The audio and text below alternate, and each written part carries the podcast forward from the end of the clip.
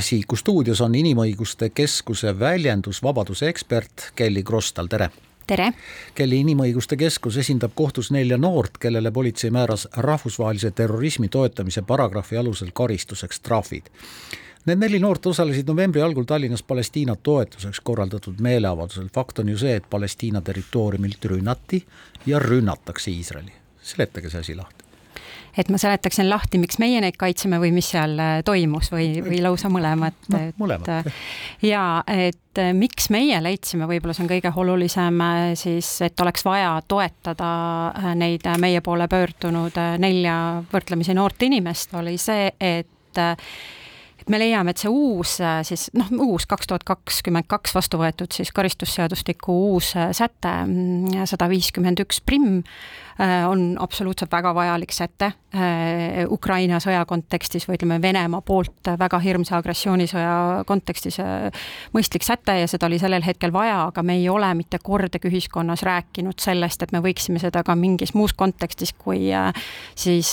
Venemaa agressioon Ukraina vastu kasutada. ja need inimesed, kes meie poole pöördusid, ütlesid, et nad tõepoolest ei teadnud et see lause on keelatud ja et nad võiksid olla selles olukorras, kus nad täna on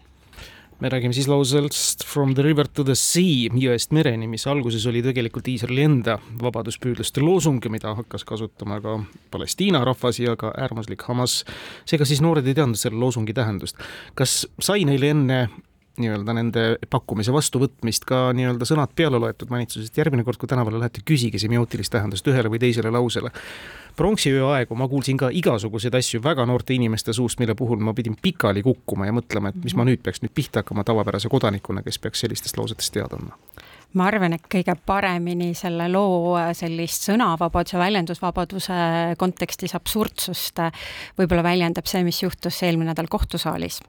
et et äh, sellest on ka Delfi kirjutanud, seega see ei ole väga suur saladus, kus ka tegelikult politseinik, kes ise selle trahvi otsusesse kirjutas, et äh, tegu on üldtuntud teada lausega, mis on keelatud, pidi tunnistama, et ta sai sellest teada sellel samal hetkel kuskilt äh, läbi mikrofoni, mis ta kõrva tuli. et tegelikult ma ei noomiks ainult neid noori kirglikke inimesi, kes läksid sinna enda meelest hea asja eest seisma, vaid jääksin ikkagi selle juurde, et see lause vähemalt sellel hetkel, viiendal novembril, ei olnud veel piisavalt Eestis siis äh, niisugust laiapõhjalist debatti ja diskussiooni saanud ja ja nüüd, äh, nüüd me saame seda, võib-olla täna me saaks juba hoopis teistmoodi otsustada. nojah, sõda on selles mõttes ju väga karm asi, et tõepoolest äh, inimesi saab surma mõlemal sõdival poolel, sõltumata sellest, kes on agressor, aga Te väidate, et näete ohtu väljendusvabadus, vabadusele Eestis, te olete Sihiku stuudios, otsestuudios, keegi teie juttu ei monteeri, keegi teie mõtteid ei piira, keegi teile midagi ette ei kirjuta, mida te rääkima peate. kuulge, ei ole ju ohtu väljendusvabadusele ja see on äh, võib-olla selline asi, kus tuleb alati olla samm ette ettevaatlik, et kui üldse midagi hakatakse piirama, ma olen siin stuudios kunagi käinud ka vaenukõnest äh, hoopis teisel pool olles mm -hmm. rääkima, et, et ma saan täiesti aru, et need ongi keerulised asjad, aga aga mis on alati kõige olulisem, et need asjad on võimalik lahendada ja riik, kellel on palju jõudu ja võimu, peaks enne ära kasutama kõik proportsionaalsed meetmed, mis tal on võimalik kasutada, et et tõepoolest ju sellel hetkel oleks võinud kaaluda ka noorte käest selle pitsakarbil äh, oleva loosungi eemaldamist, et kui kõik teised asjad üldiselt niimoodi on lähenenud Euroopa Inimõiguste Kohus, niimoodi on ka mujal Euroopas äh, lähenetud, noh kuigi Eestil on väga suur õigus enda konteksti luua, et äh, kui need on ära nii-öelda ammendunud, siis peaks tulema see, et kellelegi väljendusvabadust päriselt piiratakse aga ma olen nagu teiega nõus, et eks me ise ka, meil olid päris kirglikud vaidlused oma maja sees, et kas see on see kaasus, mida võtta ja kuidas seda ka avalikkusele selgitada, et et see ei olnud lihtne ja, ja sai vaieldud ühte ja teistpidi ja kuna meie nõukogus on ka kaks äh, Eesti võib-olla sellist parimat äh, väljendusvabaduse põhiõiguste professorit, siis seal oli mitmeid ka õiguslikku aspekte, millest me nägime, et äh, oleks vajalik see kohtumenetlus läbi käia. Või noh, ega meie ei käi, tegelikult esindab neid noori siiski vandeadvokaat Ronald Riistan,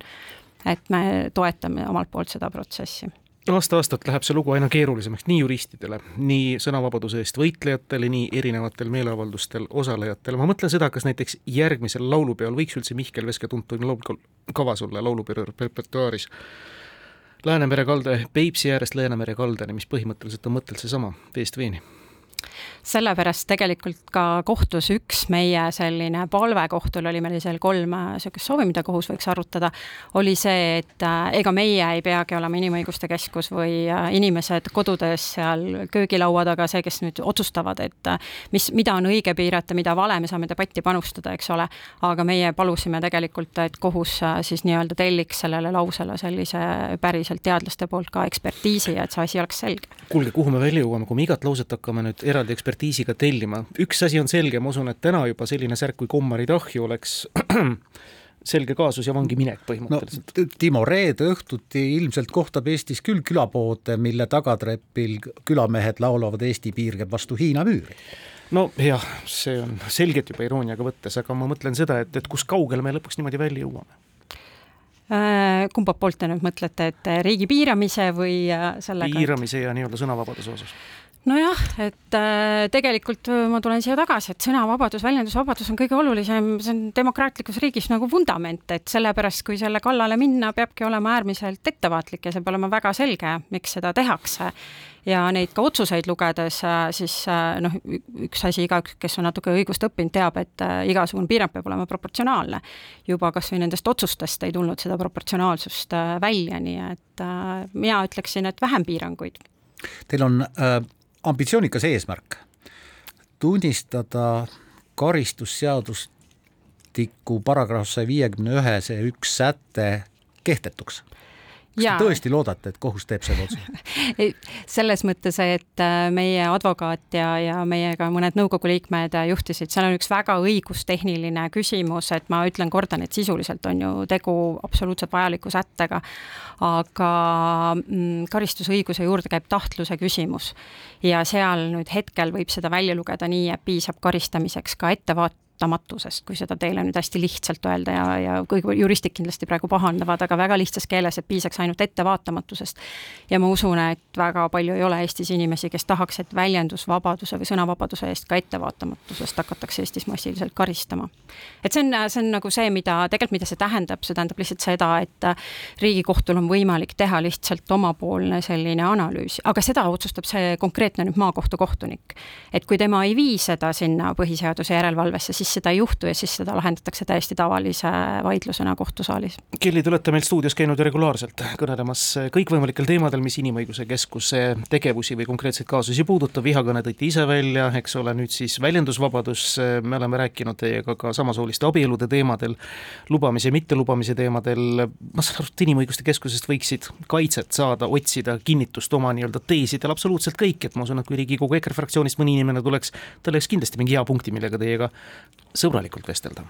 absoluutselt, me arvan, et kõik võivad meie juurde tulla ja meiega sõbralikult vestelda, et me oleme ka eh, tegelikult aidanud ka ühte kirikut eh, koroonapiirangute ajal, kui nad ei, ei saanud siis oma äh,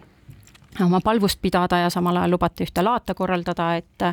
et kui sellel on mingi ühiskondlik, eks ole, selline tähtsus juures ja, ja, ja see on inimõiguste olukorrast oluline teema, siis ei ole tõesti vähe, et mis parteid te valite. kas Riina Solman võiks ka teie juurde tulla mingi palvega? kui on päriselt õiguslik kaasus, on kedagi kohtusse antud meie mõttes nagu inimõiguste vastaselt, siis loomulikult. nojah, Riigikogu liige Riina Solman on, on Inimõiguste Keskust korduvalt ja avalikult ka siin Sihiku stuudios kritiseerinud, kritiseerinud ja eelkõige selle eest, et te olete aidanud kaasa illegaalselt Eestisse tulnud vägivallatsejate kaitsmisele, nüüd on võimalik teil midagi vastu öelda.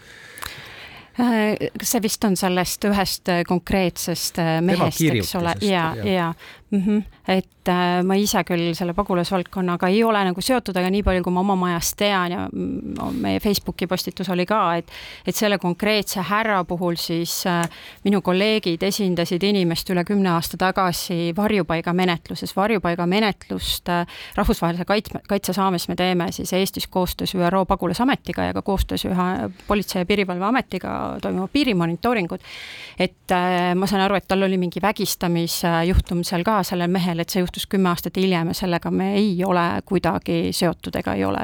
ei ole kaitsnud mitte kunagi mitte kedagi vägistamise teemadel. no tahtmata tema personaalküsimusel nüüd pikemalt peatuda, aga ta on välja toonud ka selle, et teie keskus ei ole sõltumatu organisatsioon, vaid sõltub otseselt siis ÜRO pagulasametist, Majandus- ja Kommunikatsiooniministeeriumist, Norra toetustest, Euroopa Liidust avatud Eesti fondist, no mida sellele kriitikale vastate?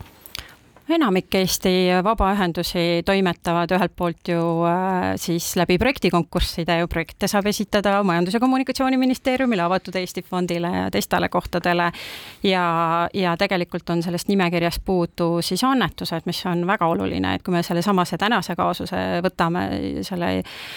Palestiina toetuseks või vastu või mis iganes jõest mereni, siis äh, seal on see puhtalt annetuste toel. kuidas Ukraina sõda Venemaa agressioon Ukrainas on teie keskuse tegevust mõjutanud? Väga palju, kohe peale selle algust äh, me pidime väga palju uusi töötajaid võtma, meil oli väga palju vabatahtlikke, kuna meile tulid pidevalt kõned, meil istusid vabatahtlikud erinevate telefonide otsades, proovisid aitada, aidata Ukraina pagulasi ja me tegime ka asju, mida me kunagi varem ei ole teinud, et me oleme üldiselt ikkagi, me anname õigusabi. me oleme juristid ei ole mingid äh, muud äh, valdkonna inimesed, aga siis oli vajadus ka sellisteks kogunemisteks, üle-eestilisteks pagulaste kokkutoomisteks, üritusteks, üritusteks, et et me ikkagi kaks aastat nagu väljusime ukrainlaste abistamise nimel ka oma sellest põhimandaadist tegelikult. Kelly, lõpetuseks, kas need noored, kes Palestiina mm, toetuseks meeleavaldusel käisid, kas neil on nüüd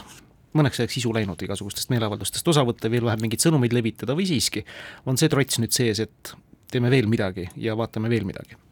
Muidugi ma pean ütlema, et ma olen nendega suhelnud ainult professionaalsel tasemel, et äh, ei, ei ole tegu minu isiklike tuttavatega kuidagi ja pole väga palju seda nii-öelda small talk'i nagu inglise keeles öeldes rääkinud, aga ma saan seda küll öelda, et üks nendest äh, meeleavaldajatest oli käinud paar nädalat äh, varem, kuna ta on Erasmuse tudengina ka Hispaanias sarnasel meeleavaldusel ja seal oli igal pool siis see loosung kasutusel. Ja seda enam seda üllatas siis, et siin ei tohi, et tema küll oli võib-olla üks nendest, kes ütles, et ei, mina enam poliitikaga ei tegele ja elan edasi oma tavalist inimese elu. jah,